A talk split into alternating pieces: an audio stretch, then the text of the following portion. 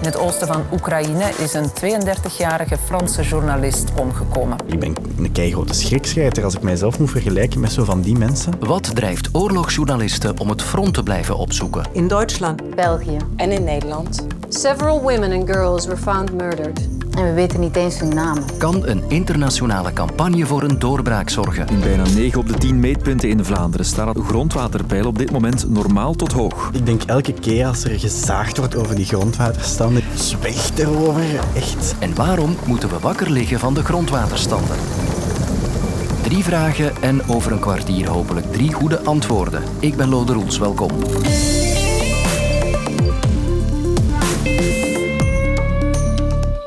Alweer droevig nieuws uit Oost-Oekraïne. Daar kwam gisteravond de Franse videojournalist Armand Soldin om het leven bij een raketaanval. Hij en vier collega's waren, onder begeleiding van Oekraïense militairen, in de felbevochten stad Bakhmut. En toen ze onder vuur werden genomen, liep dat fataal af voor Soldin. En het is niet de eerste keer. Al zeker elf journalisten, fixers of chauffeurs van journalisten zijn omgekomen in Oekraïne sinds het begin van de oorlog. Rob Renkes, welkom.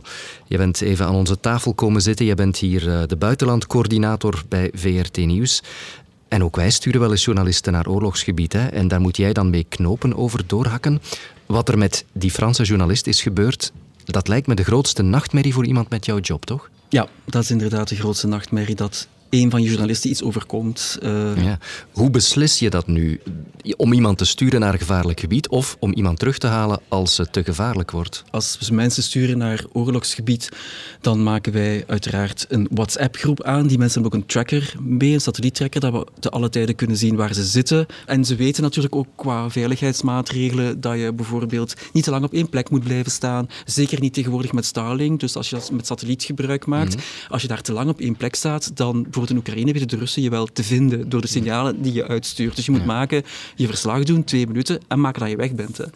Dat is een beetje zorgen, maar aan de andere kant bereiden we zo'n reis natuurlijk heel goed voor. Uh, dat is uiteraard het advies van Buitenlandse Zaken inwinnen. Nu, die zeggen heel vaak wel over oorlogsgebied, ga er niet naartoe, want uh, dat, dat is gevaarlijk. Maar aan de andere kant, ja, als journalist moet je wel je werk kunnen doen. Dus dat risico schatten we in. We hebben natuurlijk contact met fixers, chauffeurs ter plaatse. We zitten natuurlijk ook in het IBU-verband de openbare omroepen, alle Europese openbare omroepen, waar dat we kunnen horen van hebben jullie daar ploeg, hoe is het werken daar? En als je dat allemaal samenlegt, dan heb je eigenlijk een goede risicoanalyse van kunnen we daar werken of niet, kunnen we daar eigenlijk iets doen of niet. Maar zelfs als je goed bent voorbereid, kan het altijd fout lopen. En ik moet toegeven, ik zie het mezelf niet doen, verslag uitbrengen van aan de frontlinie. En toch zijn er mensen die daar hun job van maken. Waarom blijven zij het front opzoeken? oorlogsjournalisten Rudy Franks en Joni de Rijken. Ja, ik vind het altijd heel emotioneel als er een journalist sterft, want dan komen er allerlei dingen terug. Ik heb natuurlijk zelf een goede vriend en collega verloren aan het front, uh, waarmee ik op reportage was en dat komt dan boven. En ja, het doet je natuurlijk elke keer weer beseffen wat de risico's zijn. Nu, het, punt wil dat wij ook in Bachmoed zelf daar geweest zijn en daar ook beschoten zijn. Dus ook de granaten rond ons vielen en dan moeten gaan lopen zijn. Dus uh, ja. Je ontkomt er iedere keer weer opnieuw aan. Het gaat een maand goed, het gaat een jaar goed, het gaat jaren goed. En op de een of andere manier krijg je dan het gevoel van het zal altijd wel goed gaan. Je gaat ervan uit en je moet ervan uitgaan dat je onkwetsbaar bent. Ik, ik weet, het klinkt vreemd, maar dat het jou niet overkomt. En toch overkomt het je, want het is ons een aantal keren overkomen, ook in Bagmoed. En je bent ermee bezig, hè? ongetwijfeld. Maar dat is wat je doet. Dat is een soort beschermingsmechanisme, denk ik. Want anders ja, dan moet je thuis blijven en uh, dan moet je niet naar dat soort gebieden gaan. Ik heb momenten gehad in Irak dat er een prijs op ons hoofd stond, bij mij van spreken. Ik zeg maar een half miljoen euro of zo als ze kidnapten. Dat was Al-Qaeda in Irak toen. Uh, mijn tolk is vermoord daar. Dus dat zijn dingen die, waarna ik mij afvroeg, heeft het wel zin om dit nog te doen? Ik heb dat toen één à twee jaar lang niet gedaan. Maar dan komt het moment dat je denkt van ja, dit is wie ik ben en wat ik doe. En dan ben ik naar Afghanistan gegaan. Ja, dat is een beetje, ik denk, de aard van het beestje van wat, waar heel veel journalisten zich in herkennen. Dat is toch ook wel een beetje het gevoel van je wilt erbij zijn. Je komt op plekken waar dan geschiedenis wordt geschreven. er wordt natuurlijk vaak gezegd van ja, er zijn veel journalisten die naar dat soort gebieden gaan en die, die zijn verslaafd aan het gevaar en dat soort dingen. En dat mag best voor een deel meespelen, die adrenaline, maar het mag natuurlijk nooit de overhand nemen. Dus ja, dat verhaal blijft eigenlijk in mijn ogen de enige juiste reden om te blijven gaan. En dat is de enige reden waarom ik, ik blijf gaan. Dat is een soort van, van missie die je hebt om dat te doen, om daar naartoe te gaan. Om het verhaal van de oorlog te brengen, het gezicht van de oorlog te schetsen, door met de mensen te praten die het ondergaan. En dat kan je alleen maar door daar ter plekke te zijn. Je kan dat niet schetsen door ergens in een hotel te zitten op een paar uur rijden of zo. Je moet het beest een beetje in de bek kijken. Het wordt natuurlijk alsmaar moeilijker, want journalisten zijn steeds vaker een doelwit. Dat bleek laatst maar weer in Gerson, toen er op de brug die Italiaanse journalist en zijn fixer werden beschoten door de Russen. Die hadden allebei een vest aan waar met grote letters pers op stond. Dus het, het wordt alsmaar moeilijker. Dus ja, voor mij blijft dat mijn werk en vind ik dat nog altijd de moeite waard, het verhaal te vertellen van de mensen inderdaad daar en, en ja, die dagelijkse verschrikkingen van de oorlog. En voor mij is het al 30 jaar lang een evenwichtsoefening om te zien wat de limiet is. Dat is een slappe koord en je mag er niet afvallen, je mag er niet over gaan. Op de limiet. En hoe lang kan je op die limiet zitten en dan weer even terug achteruit. Operation Identify Me. Zo heet de campagne die vandaag is gelanceerd door Interpol, de Belgische, de Nederlandse en de Duitse politie.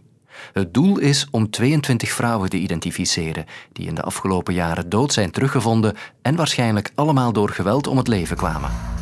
Op zondag 31 mei, op zaterdag 20 april 2002, wordt het lichaam van een jonge vrouw gevonden. Op 3 juni 1992 van linkeroever een lichaam gevonden in het water. De vrouw is door geweld om het leven gebracht. Op haar linker onderarm heeft de vrouw een opvallende tattoo van een zwarte bloem.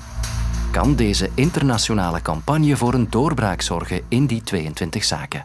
Anne Berger is woordvoerder bij de federale politie. Het is een internationale samenwerking, maar uh, ook met Interpol. En dat is echt heel belangrijk, want het komt wel uh, regelmatig voor dat een, een, lichaam van iemand die met geweld om het leven is gebracht over de grens wordt gebracht om dan daar achter te laten, omdat dat de opsporing natuurlijk bemoeilijkt. Nu, de laatste jaren hebben we heel veel vooruitgang geboekt binnen Europa, alleszins al, uh, met informatieuitwisseling. Dus dat gaat allemaal veel vlotter dan vroeger. Maar natuurlijk, Europa en de ons omringende landen, dat is natuurlijk nog niet de wereld. Uh, dus daar is er nog veel werk aan de winkel op het vlak van informatieuitwisseling. Dat het mogelijk is dat we met informatie die van, van een ander land komt, toch nog iemand hier in België kunnen identificeren, dat is eigenlijk al meerdere malen aangetoond. Hè. Zo is er onder andere de zaak van een vrouw die uh, verbrand is teruggevonden, verkoold in West-Vlaanderen we hebben heel lang gezocht naar haar identiteit en uiteindelijk, uiteindelijk na vele maanden is er via een tip vanuit Azië eh, bij de Belgische ambassade daar um, informatie doorgekomen over iemand die daar gemist werd en dat bleek dan die vrouw te zijn. En intussen is ook de man die haar om het leven is gebracht uh, veroordeeld hier in België. Naast de internationale samenwerking kunnen ook technologische ontwikkelingen een belangrijke rol spelen in het afronden van die onopgeloste zaken. Gezichtsreconstructies worden bijvoorbeeld veel nauwkeuriger en dus is de kans groter dat slachtoffers herkend worden. En ook DNA-onderzoek helpt daarbij. Op zondag 31 mei 2009 wordt het lichaam van een jonge vrouw gevonden in het Albertkanaal bij Vizé, vlakbij de Nederlandse grens. De vrouw is door geweld om het leven gebracht. Haar leeftijd wordt geschat op 14 tot 24 jaar, dus het zou echt nog een meisje kunnen zijn. Haar lichaam was verzwaard met gewichten, zodat ze niet zou komen bovendrijven. Ze was ook volledig naakt. En ze is zeker met geweld om het leven gebracht, met steken. Maar dus die daders proberen haar natuurlijk uh, zo onherkenbaar mogelijk achter te laten, in het water te dumpen zodat we niet zouden te weten komen wat er precies met haar gebeurd is. Dus soms wordt dat ook echt bewust door daders gedaan. In de jaren 90 was het uiteraard nog veel moeilijker om de identiteit van een slachtoffer uh, te achterhalen of van iemand die gevonden werd. Nu is DNA-onderzoek natuurlijk heel hard vooruit gegaan. Uh, er is ook uh, allerlei onderzoek naar tandenonderzoek bijvoorbeeld, haaronderzoek om te weten uit welke regio iemand komt of in welke regio iemand geboren is.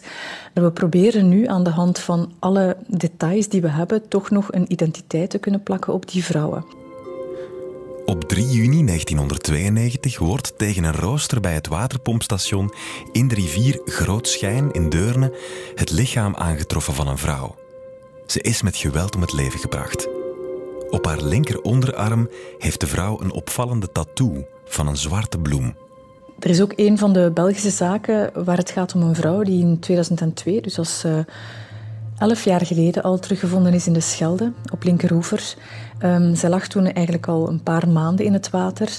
En van die vrouw hebben we echt een gezichtsreconstructie kunnen maken. Dus daar is echt met diepteweefselmetingen haar gezicht helemaal nagebootst, zodat je eigenlijk echt een 3D-indruk krijgt van haar gezicht. We hopen ook door middel van die techniek dat iemand dat gezicht kan herkennen van die vrouw.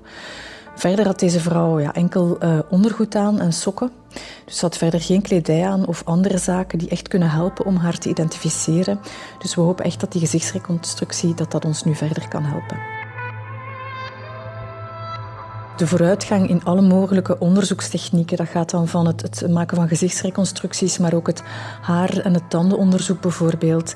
Uh, DNA uiteraard. Als er iemand nu een tip geeft uh, van ergens in de wereld, dan kan je aan de hand van DNA-vergelijking gaan kijken, ja, gaat het echt om die persoon? Hè? Als je um, DNA van een verwant hebt ergens in de wereld. Dus uh, de nieuwe technieken die zorgen er ook voor dat we echt de mogelijkheden hebben om, als we tips krijgen, om echt te kunnen gaan met zekerheid zeggen dat het wel degelijk om die persoon gaat.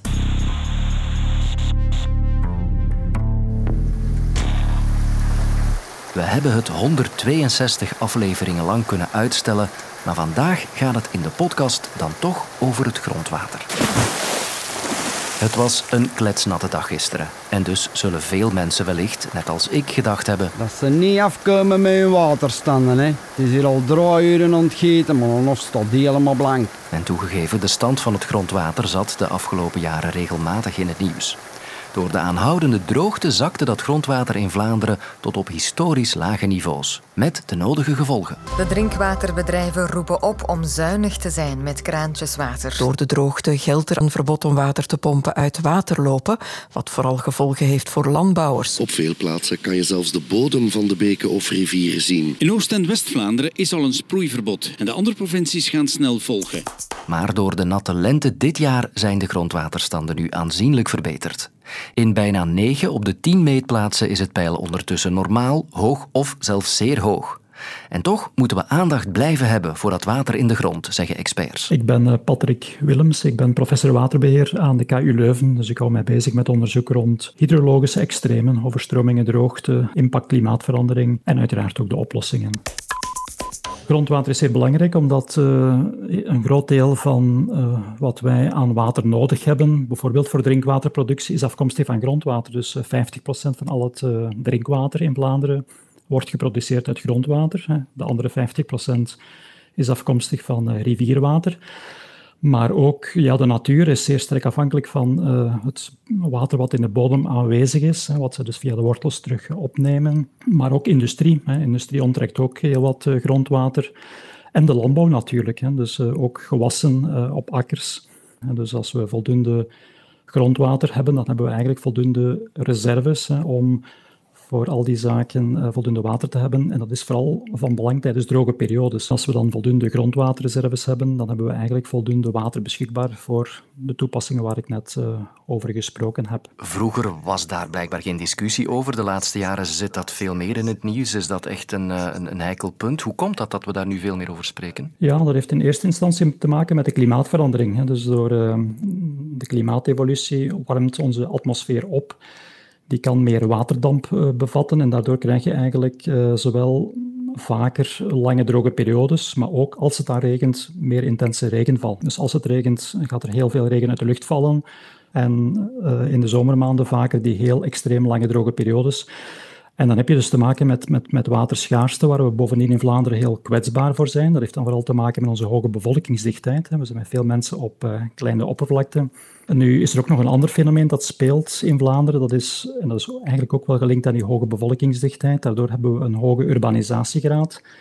Dat maakt veel bebouwing, maar ook veel wegen, veel parkings, veel verharding. Hè. En uh, verharding, dat weten we, zorgt ervoor dat uh, regenwater in grote hoeveelheden en snel ook afloopt naar rioleringen, naar waterlopen.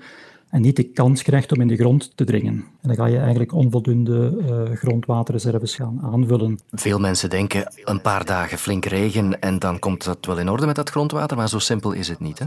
Nee, klopt. Um, grondwater wordt maar heel traagjes aangevuld. Hè. Dus we moeten daar echt wel rekenen op meerdere weken en soms zelfs maanden.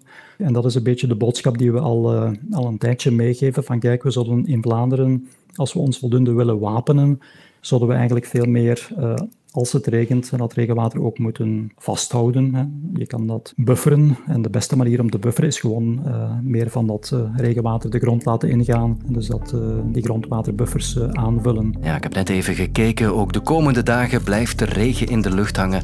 Dat is dus niet zo goed voor jouw weekendplannen, maar wel gunstig voor het grondwater, heb ik begrepen. Morgen heb je een afspraak met Sophie in de podcast. VRT-gerechtsjournalist Filip Heijmans onderzoekt de onopgeloste verdwijningszaak uit 1982 kan hij eindelijk achterhalen wat met zuster Gabriel gebeurde. Ontdek het nu in de app van VRT Nieuws.